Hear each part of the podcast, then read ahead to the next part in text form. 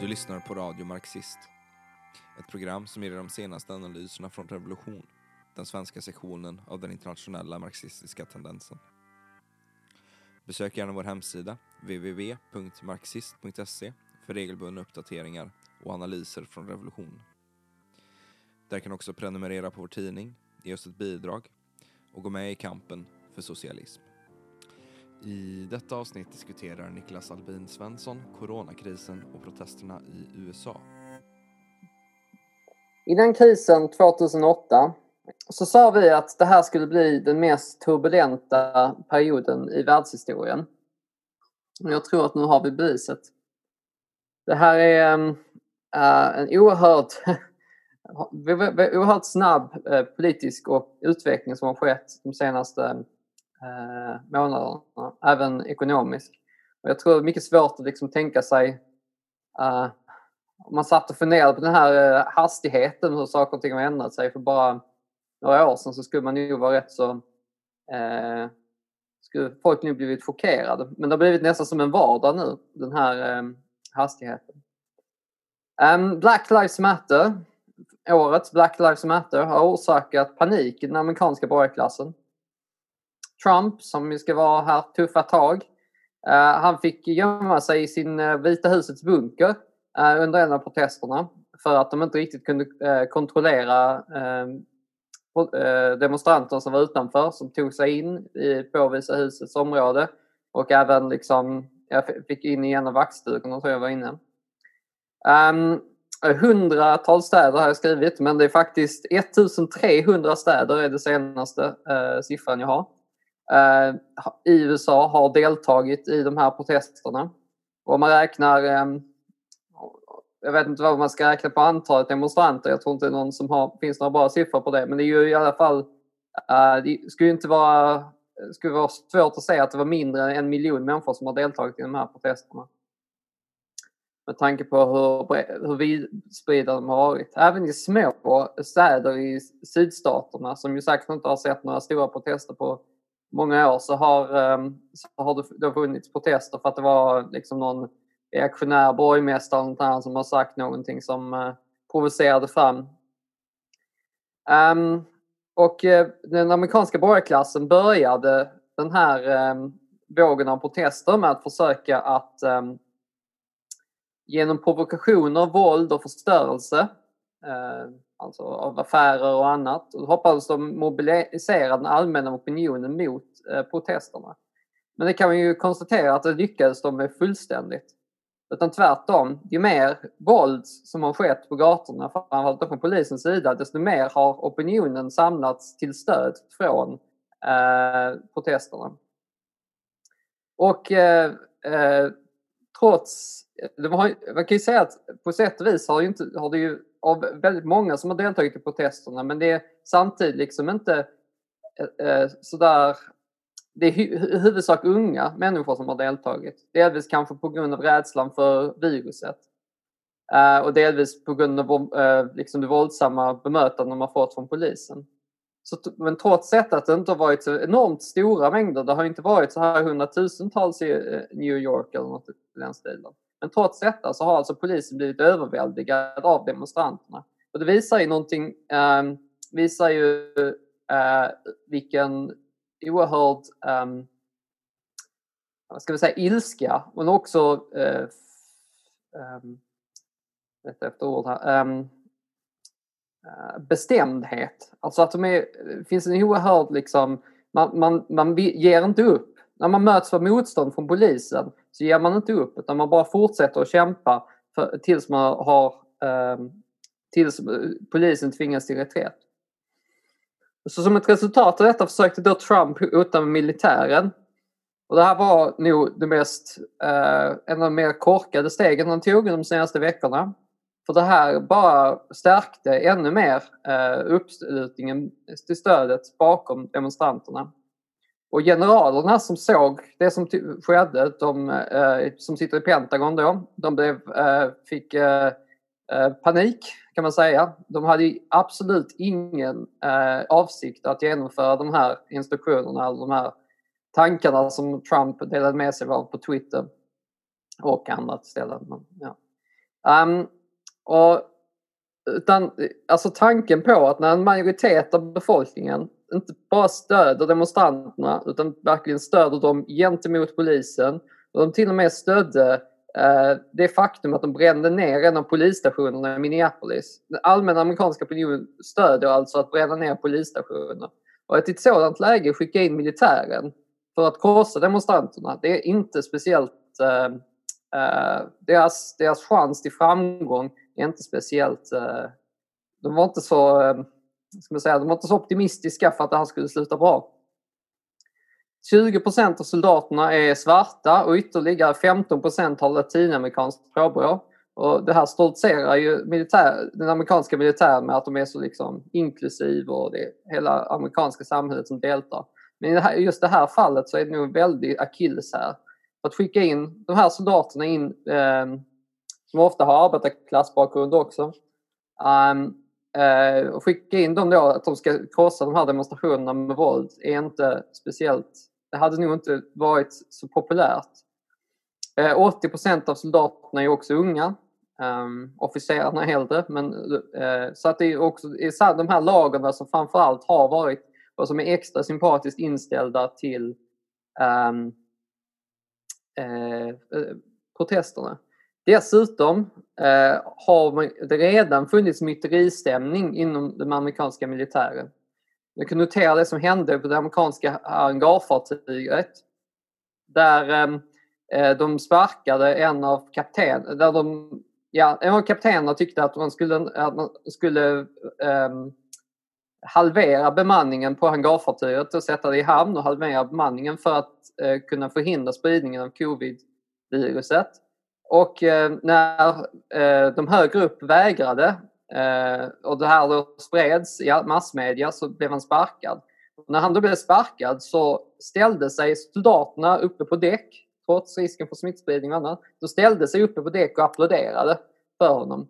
Och det här var ju en oerhörd eh, styrka. Sen skickade de ner en av försvarsministrarna till det här skeppet för han skulle tala då och, liksom eh, läxa upp eh, ehm, Eh, sjömännen för vad, vad de har gjort. Och då eh, buade de. Och då hör man, alltså det var, då hade inte samlat dem, det var alla i sina, i sina eh, hytter. Va? Och då hör man i, i mikrofoninspelningen från hans tal då, hur buar hekar i hela skeppet. Liksom. Och den här typen av stämning finns inte bara på det här skeppet utan runt om i den amerikanska militären. Så tanken på att de då skickar in den här eh, militären som redan de här stämningarna finns in och då Eh, skjuta mot den egna befolkningen. Det var inte något som var speciellt, eh, alltså generalen insåg var en mycket, mycket dum idé. Före detta försvarsministern Mattis, som eh, även kallas Mad Dog, men han anses vara rätt så sansad i den, eh, jämfört med den nuvarande presidenten och hans regering. Han riktade skarp kritik mot förslaget. Eh, faktiskt den första gången som han riktigt uttalade sig riktigt skarpt mot eh, regeringen. Um, han var ju den förra försvarsministern innan den nuvarande tror jag. Eller kanske har varit ett par innan, emellan, men jag skit, strunt samma. Um, ehm, och så småningom så den sittande försvarsministern som hade um, uh, som hade stått bredvid Trump när han uttalade sig för uh, att militären skulle användas och liksom mer eller mindre hotade guvernörerna med att, de skickade in, att de skulle, han skulle tvinga på tvinga militären som, uh, i stat, delstaterna. Han stod där liksom bredvid. Sen tre dagar senare så går han ut i media och säger att han tycker att det var fel. Så uppenbarligen har ju generalstaben eh, i, av militärens generalstab eh, sagt till honom att det här är omöjligt och nu får du säga till. Eh, och Trump eh, var tvungen att liksom dra tillbaka förslaget. Det var rätt så eh, pinsamt för honom. Och han har faktiskt, tvärt emot vad han brukar göra, så han var tvungen att ha kvar den här försvarsministern. Det kanske försvinner senare. Så nu har det blivit väldigt annat ljud i skällan. Minneapolis kommunfullmäktige lovade eh, ledamöterna att avskaffa polisen. Så visade det sig att det inte var eh, eh, det de egentligen hade menat utan de menade liksom någonting bla bla bla. bla. Men eh, eh det var uppenbart att i den här, eh, det enda de kunde komma på som faktiskt skulle blidka rörelsen, som skulle kunna ge den liksom Ehm, som skulle kunna få, få folk att lämna gatorna det var ett, helt enkelt att, ut, eh, att eh, utlova att man skulle helt och hållet avskaffa polisen. Det var det enda de kunde eh, tänka sig liksom, verkligen skulle eh, blidka demonstranterna. Så, och det visar ju liksom, de hade, de hade ju aldrig en tanke på att genomföra det här, har jag svårt att tänka mig. Men däremot eh, så för, för, var de så desperata att hitta någonting som kunde eh, lova som eh, kunde få, få folk av gatorna. Och det visar ju att det är ingen som längre tror på så som 2014 när det utlovades massa reformer och dittan och dattan av polisen ehm, eh, efter eh, Black Lives Matter 2014. Och det är ju ingen längre som tror på de här löftena. Utan nu, det är därför som eh, slagorden har handlat om att avskaffa polisen eller, eller i vissa fall lite, lite sämre variant av det att eh, eh, skära ner på polisen eller eh, använda polisens pengar till annat. Nationalgardet eh, som tidigare använts mot demonstranterna och det är ju en del av militären. Alltså, um, men um, eh, men det, det, är liksom eh, pensionerade militärer, eller vad man ska säga, för detta soldater och sådär som är inblandade. Den använts tidigare men har nu dragits tillbaka. Demokrater, Eh, Demokraterna som ju faktiskt har varit eh, ledande i repressionen i många delstater eh, och städer.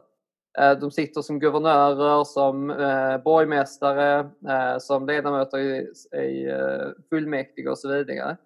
Så de, har, så de ledde ju, eh, har ju leder i flera av de här städerna där det har varit oerhört hård repression. Till exempel i Minneapolis, Seattle, Buffalo, New York eh, med andra.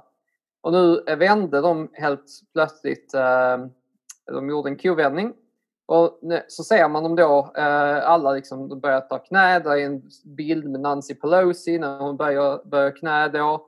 Ehm, och så vidare. Man har även sett hur poliser har gjort det här i stor utsträckning. Så de eh, olika situationen, olika många demonstranter och så vidare, för att då blidka på något sätt och lugna ner eh, demonstranternas stämning så ställer de sig då och tar knä. Och det är uppenbarligen varit en order även i, på många ställen uppifrån om att det här skulle man göra även sett det här i Storbritannien och i Sverige eh, där man har eh, gjort detta. Det är klart att det kanske finns en del poliser som gör det här ärligt, alltså ja, rent sympati med demonstranterna.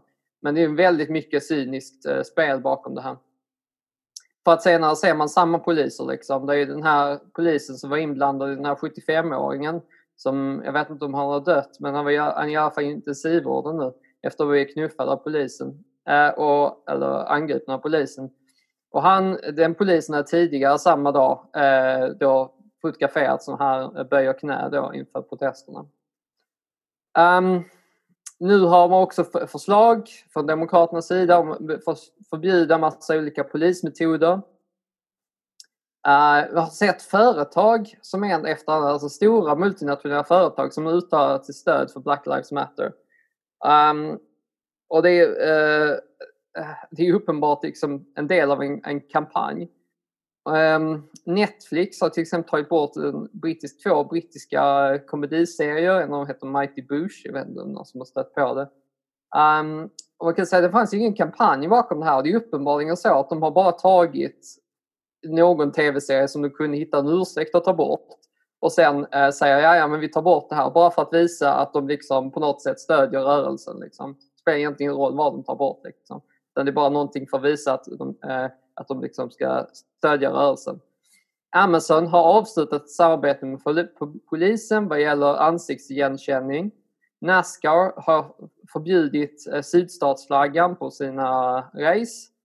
Uh, och så vidare och så vidare. Uh, företagen liksom uh, nästan uh, konkurrerat om att framstå som sympatiskt inför rörelsen. Och jag tror att det här är två anledningar. Det ena är ju att de, vill liksom, de inte vill se, se som de eh, går emot eh, det som många folk tycker och tänker. Men jag tror också det är helt en cynisk uträkning från den amerikanska borgarklassens sida framför allt, men även andra ställen. Om att helt enkelt försöka visa att etablissemanget är för, äh, inte motsätter sig. Att etablissemanget som helhet är emot rasism och det är bara några få liksom ägg och så vidare. I Storbritannien har man nu börjat plocka bort statyer Eh, då framförallt Labour har lett den här kampanjen. Och LBC som är en radiokanal som visade Nigel Farage hade ett eget program där under, haft ett eget program där under många år. Eh, och nu har man då sparkat eh, Farage.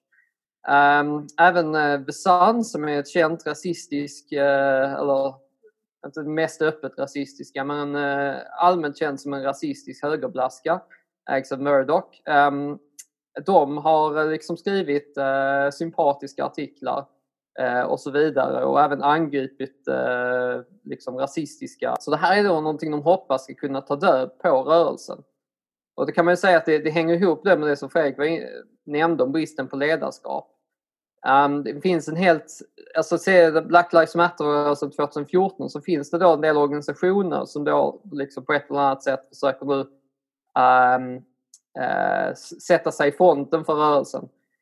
Um, småborgerliga och intersektionella uh, individer uh, vars huvudmål är den egna karriären som liksom hoppar upp och hoppar in i den här rörelsen som, inte egentligen, sak som egentligen saknar organisationer och försöker ställa sig i fronten uh, och leda in den på, uh, på de vägar de tycker är vettiga. Och eh, den här typen av individer de älskar eh, symboliska gester som det här med att gå på knä eller eh, statyer. Då. Och det är, ehm, och det är tydligt nu ett försök av att försöka leda in rörelsen in i säkra kanaler. Istället när man inte ehm, repression fungerade så har man nu försöker man istället att leda in den i säkra kanaler. Och då politiker, affärsmän och så vidare på olika sätt uttalar sitt stöd för rörelsen som ett del att försöka kontrollera den. Och statyerna i Storbritannien spelar ju en rätt så intressant del av detta. Som jag säger, borgmästaren i London, uh, Sadiq Khan, han uh, bestämde ju att han, nu ska vi ha en inventarie för alla statyerna i uh, staden. Samtidigt uh, samma dag faktiskt så uttalade han sin stöd till den nya antiterrorlagstiftningen. Om man säger att det finns, vad gäller rasistisk lagstiftning i Storbritannien så är just antiterrorlagstiftningen um, och den, den, den har blivit värre, det nya förslaget gör den värre, nya regeringspropositionen. Uh, så är antiterrorlagstiftningen som är en av de mest uppenbara rasistiska lagstiftningarna riktat mot just muslimer. Um, Uh, och det är klart att eh, det är ingen, det är, det är ju ingen som egentligen... Det, det är, att ta bort de här eh, reaktionära adelsmännen och affärsmännen, slavhandlare och annat är ju helt klart ett positivt steg som vi stödjer. Eh, förskönar stadsbilden eh, avsevärt.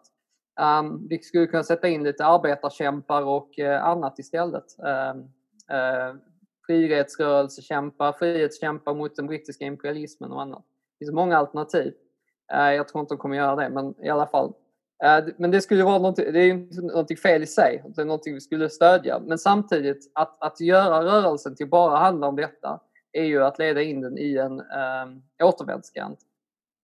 Och det kommer ju, även om man plockar bort alla de rasistiska statyer i hela landet, så kommer det ju faktiskt inte att göra någon avgörande skillnad i det dagliga livet för eh, de svarta i Storbritannien. Likaså att Demokraterna står på knä. Eh, I USA kommer inte heller, eller även om hela liksom, den amerikanska kongressen ställer sig på knä, det kommer inte förändra i grund eh, levnadsvillkoren för de svarta i USA. Eh, inte heller de här små mm, eh, de ska nu förbjuda, en av de här förslagen är att de ska förbjuda att polisen eh, sätter knät nacken på folk. Men det kommer inte heller göra någon skillnad. De flesta som blir mördade av polisen, det är av skjutvapen och det är inga förslag på att polisen ska få sluta använda skjutvapen i USA. Ehm, det kommer inte att hända. Så det är uppenbarligen ett sätt att försöka blidka rörelsen och försöka liksom, få folk av gatorna för att sen liksom, så småningom om några månader då eh, så när, eh, inte infria alla de löftena man har givit. Och hoppas då att rörelsen inte ska komma tillbaka med samma kraft. Um, um, ett annat exempel på just det här liksom hur... Um, ja, ett halvt senare. Och det visar då rörelse, när förmågan då av sådana här demokrater och eh, labourpolitiker till höger, när de förmår då eh, att, eh, att liksom ta, jag vet inte, vi får se nu hur mycket de lyckas ta kontrollen över rörelsen. Men det visar ju också rörelsens svaghet och avsaknaden av ett, eh, en organisation, en revolutionär ledning som är eh, faktiskt villig att eh, göra det som massorna är ute efter. Och eh, USA har ju slagordet varit att avskaffa polisen. Och det enda sättet att avskaffa polisen är genom revolutionär handling. Eh, det vill säga att, att störta inte bara, eh, inte bara göra några små reformer i toppen utan att störta det kapitalistiska systemet.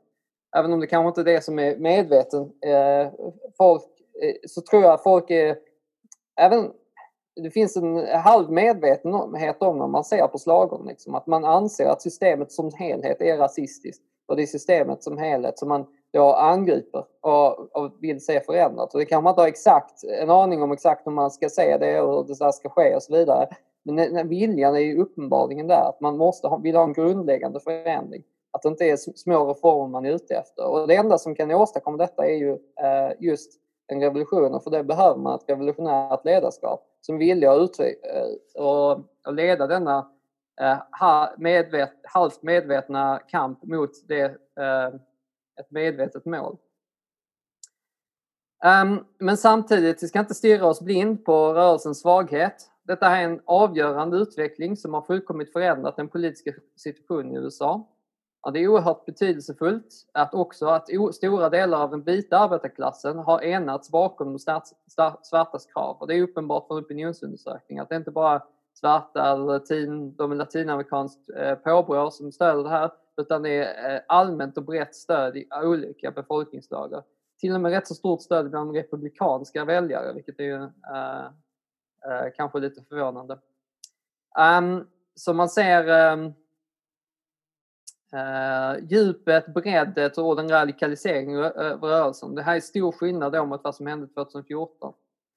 Um, ehm, så jag tänkte vi skulle bara gå in lite grann på bakgrunden här också nu. Jag pratar pratat en liten stund, vi får kan hålla en liten stund till. Um, och det finns en uppenbar uh, orsak till den här och det är polisvåldet i USA som ju är oerhört brutalt, även jämfört med liksom många andra länder där eh, polisen är inte är snälla, men det är extra brutalt i USA. Um, med tusental, uh, jag tror det är, tu, det är runt drygt tusen person, svarta som blir uh, dödade av polisen varje år i USA, vilket är en helt brutal uh, siffra. Um, men det här är egentligen ingen nyhet, utan det som spelar roll här också är ju erfarenheterna av rörelsen 2014 och hur den rörelse som skedde då, som också var stor och också radikal, men hur den faktiskt inte ledde till några avgörande förbättringar i situationen. Tvärtom, siffrorna ser precis likadana ut uh, som de gjorde innan den rörelsen. Och det är ju en del av bakgrunden också. Um, men uh, jag tror att um, det som verkligen har drivit på den här rörelsen är ju uh, händelserna de senaste månaderna. Man ser hur kapitalismen har förlorat tappat sin mask. Uh, verkligen det nakna profitintresset, har, uh, vinstintresset har visat sig med all önskvärd tydlighet inför arbetare men också många i minoritetsgrupper, svarta och så vidare som har drabbats extra hårt i alla länder. Um, I Storbritannien har de siffror då på, jag tror att svarta är fyra gånger uh, mer, har fyra gånger större risk att dö än vita. Eh, I Storbritannien. Om man räknar bort diverse eh, faktorer så är det fortfarande liksom så här som fattigdom och så vidare, eh, geografi, så är det fortfarande dubbelt så stor risk att dö. Så det, um, den här krisen har verkligen uh, visat uh, det här. Uh, det är inte heller den första krisen som vi upplever utan det är ju den andra krisen nu också. Så att om alla de som trodde att det här med att den ekonomiska krisen 2008 skulle vara något som bara hände en gång, en tillfällighet liksom, som vi bara hade tålamod och drog åt svångremmen ett tag och sen så skulle vi komma ur det igen eh, och så skulle få saker och ting återgå till det normala. Eh, det är ju också helt, eh, de illusionerna har ju blivit, fått en riktig ny törn av den här senaste månaderna. Uh, och det är bara tio år sedan senast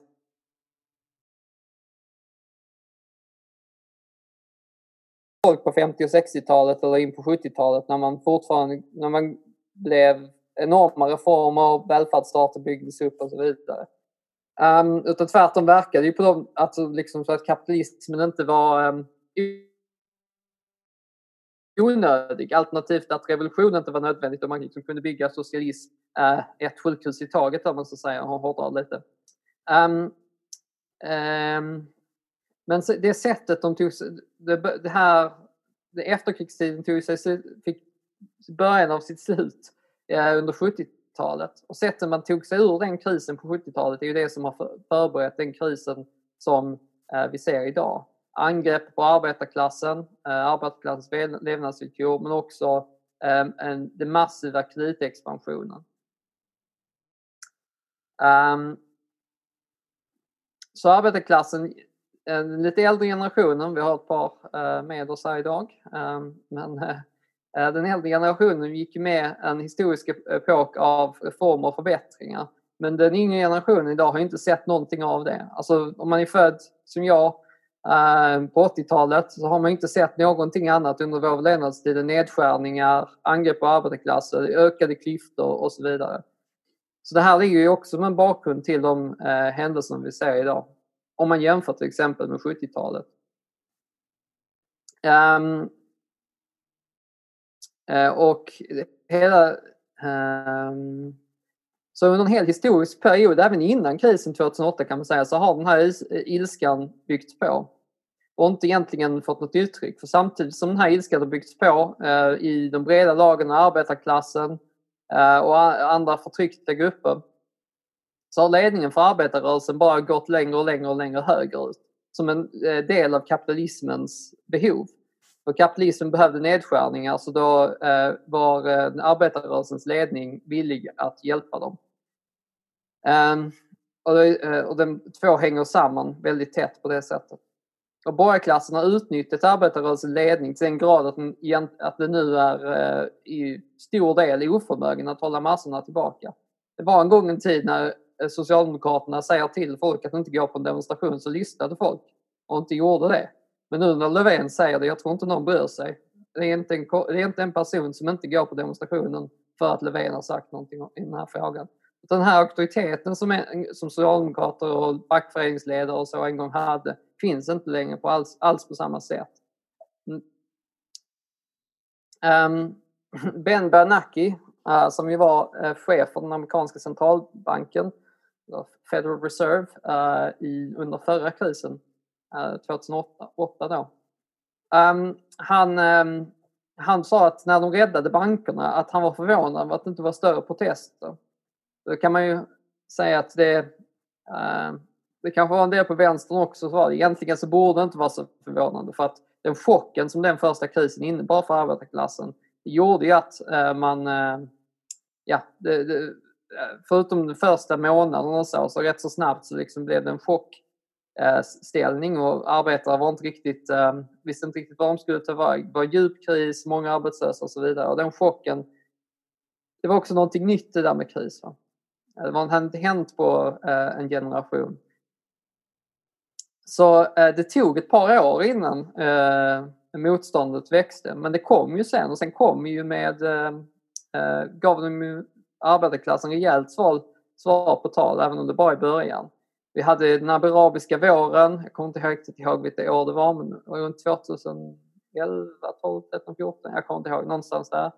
Vi hade Occupy Wall Street som ju inte var egentligen sådär jättestor rörelse men dess, eh, kan man säga, eh, bestämdhet och dess förmåga, uthållighet var eh, rätt var talande. Vi hade Syriza, vi hade Podemos och ibland detta var också stora strejker, generalstrejker både eh, Italien och i Spanien. Eh, sen senast, förra året, det känns ju som jättelänge sedan, men eh, Förra året så hade vi fortfarande gula västarna och började 2018. Men alltså de gula västarna, rörelsen kring dem. Uh, vi hade Corbyn, vi hade Sanders-fenomenen. Alltså olika fenomen då som visar på den oerhörda instabiliteten i samhället. Eh, men också hur arbetarklassen försöker hitta en väg ut. inte riktigt vet exakt var den, eh, vart, eh, hur man vill, vart man är på väg men försöker hitta en väg ut. Vi hade Brexit, vi hade Trump, vi hade Bolsonaro som också visar på hur borgarklassen har förlorat kontrollen över sina egna politiska representanter. Det vill säga, man har inte egentligen någon, eh, man saknar egentligen ett borgerligt, starkt borgerligt parti som man kan förlita sig på. Utan tvingas förlita sig på mer och mer, eh, eh, även i länder som USA då, för, tvingas förlita sig på eh, ledare som är eh, eh, lite, ska man säga, inte riktigt har, eh, är vid sina sinnes fulla bruk och, inte, och definitivt inte har eh, borgarklassens allmänna intresse som sin främsta drivkraft utan snarare sig själva.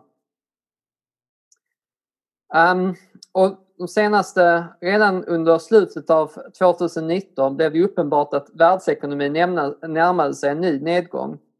Uh, Tyskland och Japan hade då negativa BNP-tillväxt eh, det sista kvartalet 2019.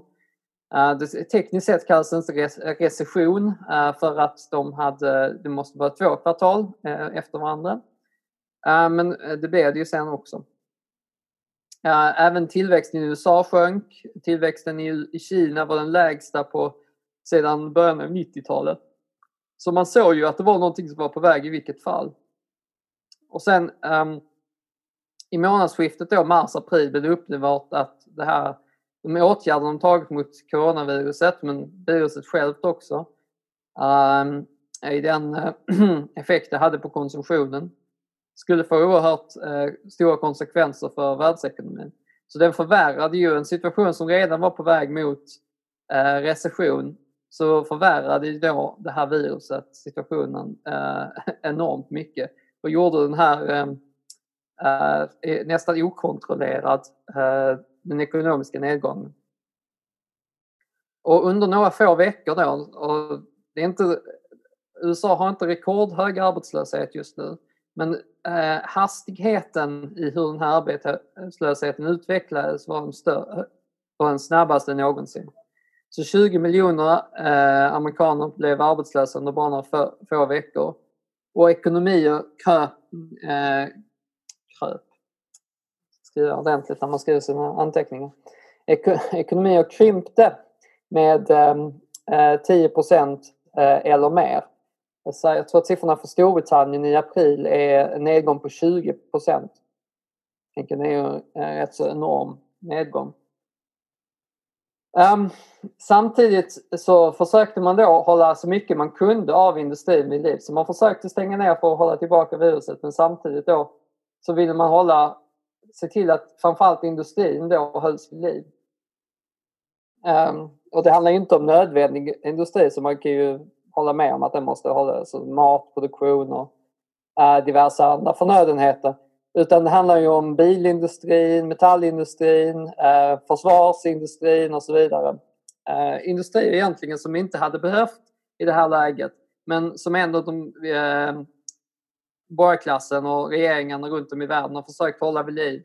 Bara eh, hålla de, eh, hjulen snurra för att se till att vinster, för att hålla vinsterna också, eller, eller i alla fall förlusterna nere och i viss mån vinsterna uppe.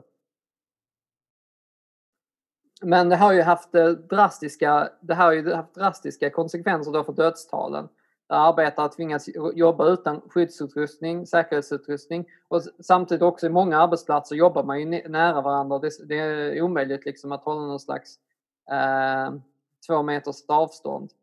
Eh, det är också omöjligt liksom att tvätta alla material som man tar på tillsammans och så vidare och hålla någon slags hygien. I alla fall inte utan att, eh, att planera och spendera en del pengar på det som arbetsgivarna var ovilliga att göra eftersom det skulle nagga på vinsten.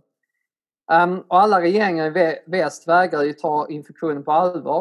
Uh, en vecka om, det säger, den, deras, den högsta medicinska rådgivaren i Storbritannien, han säger att om de hade stängt ner landet en vecka tidigare så hade de halverat dödstalen. Och det är 40 000 som har dött i Storbritannien så det innebär att 20 000 människors liv hade spar förhindrats om de bara hade stängt ner en vecka tidigare.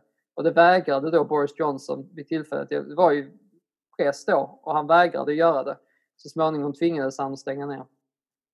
Och man kan ju visa, även borgerliga regeringar då i Kina, Sydkorea och Japan har ju visat att det är möjligt att hålla den här infektionen i schack eh, om, man, eh, om man är villig att eh, eh, göra det.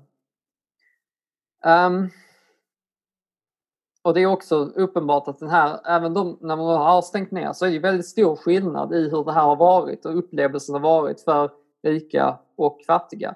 De som bor många trångbodda, eh, ofta flera generationer i samma eh, lägenheter jämfört med de som har villa med stor tomt eh, eller kanske till och med äger en ö i eh, eh Karibiska havet eh, som en del av dem gör ju. Eh, de flög.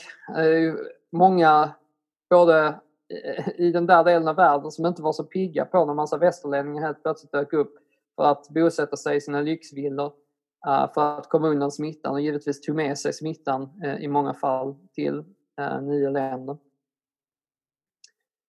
Um, men samtidigt också i mitt det här så har det blivit uppenbart att tryck och press från arbetarklassens sida och olika typer av kampanjer har gett resultat.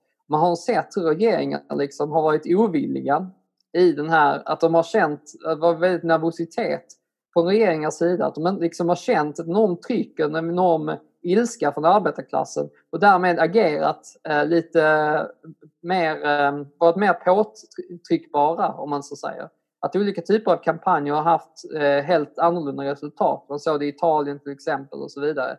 När ehm, eh, ett antal eh, man ville ha då ta, ha starkare åtgärder, arbetare ville ha starkare åtgärder för nedstängning för att hålla tillbaka smittspridningen. Och där då regeringen eh, efter, jag tror det var tre, fyra arbetsplatser, kanske lite mer, tio, som gick i strejk och regeringen genast, eh, den gav inte egentligen efter, men de lovade eh, att göra saker som sen inte blev av, men i vilket fall eh, så ett antal vilda strejker kunde väldigt snabbt få regeringen på bakfoten och börja lova eh, eh, dyrt, eh, massa, massa grejer. Och man såg ju, arbetarklassen kunde se hur påtryckningar, olika typer av aktioner gav resultat. Och det här har ju också stärkt förtroendet för att eh, påbörja nya protester. Um, ehm, och nu eh, George Floyd, i den här situationen så blev den här eh, mordet av eh, George Floyd eh, blev ju gnistan som tände elden likt Mohammed Bouazizi eh, blev för eh, den arabiska våren så har nu eh, George Floyd, hans död, tänt en ehm, eld som har spridits inte bara i USA runt om i hela världen.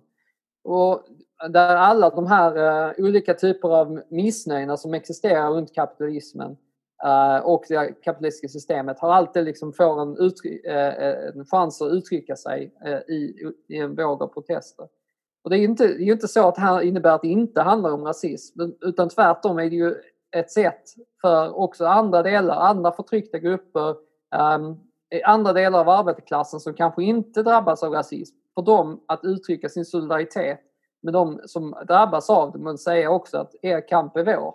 Vi eh, gemensamt måste kämpa mot det här systemet. Och det är egentligen ett sätt som halv, inte alltid är uttalat och helt medvetet men ett sätt för folk att se att deras situation och vår situation har så många beröringspunkter. Vi har en sån gemensam situation och våra intressen är gemensamma i kampen mot eh, eh borgarklassen, mot de här regeringarna som har infört det här som har drabbat så hårt, inte bara de svarta utan hela befolkningen. Så vår, när vi ställer oss i solidaritet med de svarta så kämpar vi inte bara för dem utan vi kämpar också för oss själva. Jag tycker det är, det är väldigt, det är på det sättet som det här utvecklas, som arbetarklassens solidaritet utvecklas i den här situationen och som stärker banden mellan arbetare emellan och får dem att eh, också stärka, höja sitt medvetande och eh, sitt självförtroende Eh, i klasskampen. Så um, det här vi står nu är i början. Eh, vi är inte inne i, det är inte så att vi har revolution runt om i hela världen eller i USA än. Men det är början av en ny revolutionär epok. Borgarklassen är i kris, de slåss sinsemellan, ofta inför öppna ridåer. Eh, den är delad. Samtidigt är massornas lidande större än normalt och de har börjat dras in eh, i en gemensam eh, kamp av historiska mått. Eh, och de har börjat förlora sin rädsla för den borgerliga staten, för polis, militär och så vidare. De, när de blir hotade med våld och död så lämnar de inte gatorna utan fortsätter istället att, att slåss. Och det här är precis tecknen som Eh, Lenin eh, vid ett flertal tillfällen, men sen, i hans sista, han beskrev det i den, med de här orden när han talade om eh, eh i början av 20-talet och var hur man kännetecknar en revolutionär situation. Och det är precis det vi börjar se nu runt om i världen. På många håll. Och intressant alltså nog i den största imperialismmakten, den mest reaktionära makten i världen som är USA. Och det, som för, det den andra villkoret för en framgångsrik revolution som eh, Lenin också påpekade, eller fjärde eller femte vad det nu blev, um, är ju, eh, eh, är ju en, eh, ett parti, en ledning för arbetarklassen som förmår att förena den i kampen men också att leda den eh, genom eh, en del av de hinder och så vidare som slängs i dess väg av borgarklassen. Som förmår att fördjupa den och bredda den. För exempel, till exempel eh, genom eh, slagord såsom en generalstrejk som skulle vara eh, väldigt eh, skulle höja kampen till en ny nivå i USA och man har sett att arbetare är villiga att göra det. Till exempel då eh, de som arbetar på eh, kajerna i eh, eh, Portland, tror jag det är, som har redan eh, eh, gått ut i strejk i samband med den här rörelsen. Men den här ehm, det här skulle mycket väl, framförallt lokalt, då kunna utvecklas till en generalstrejk om, om den hade organiserats. För det behövs, sånt här behövs ju organiseras runt om i de olika arbetsplatserna, runt om i de olika fackföreningarna Eh, och så vidare. Men den här organisationen, den här medvetenheten om behovet eh, av den här typen av åtgärder, den saknas. Det, så det som saknas i den här situationen, som skulle kunna höja kampen till en högre nivå, som kunde kunna röra den och faktiskt eh, störta Trump i första hand, men sen också störta det hela det kapitalistiska systemet. Den ledningen saknas och det är det som eh, vi har tagit oss an att bygga och det är det vi måste kämpa för ännu hårdare under de kommande månaderna. Tack! Tack för att du har lyssnat på Radio Marxist. Prenumerera på oss via Soundcloud, iTunes, Spotify eller där du hittar poddar. Vill du veta mer om oss i Revolution? Gå gärna in på vår hemsida www.marxist.se där du kan ta en prenumeration på vår tidning, ge oss ett bidrag eller gå med oss i kampen för socialism.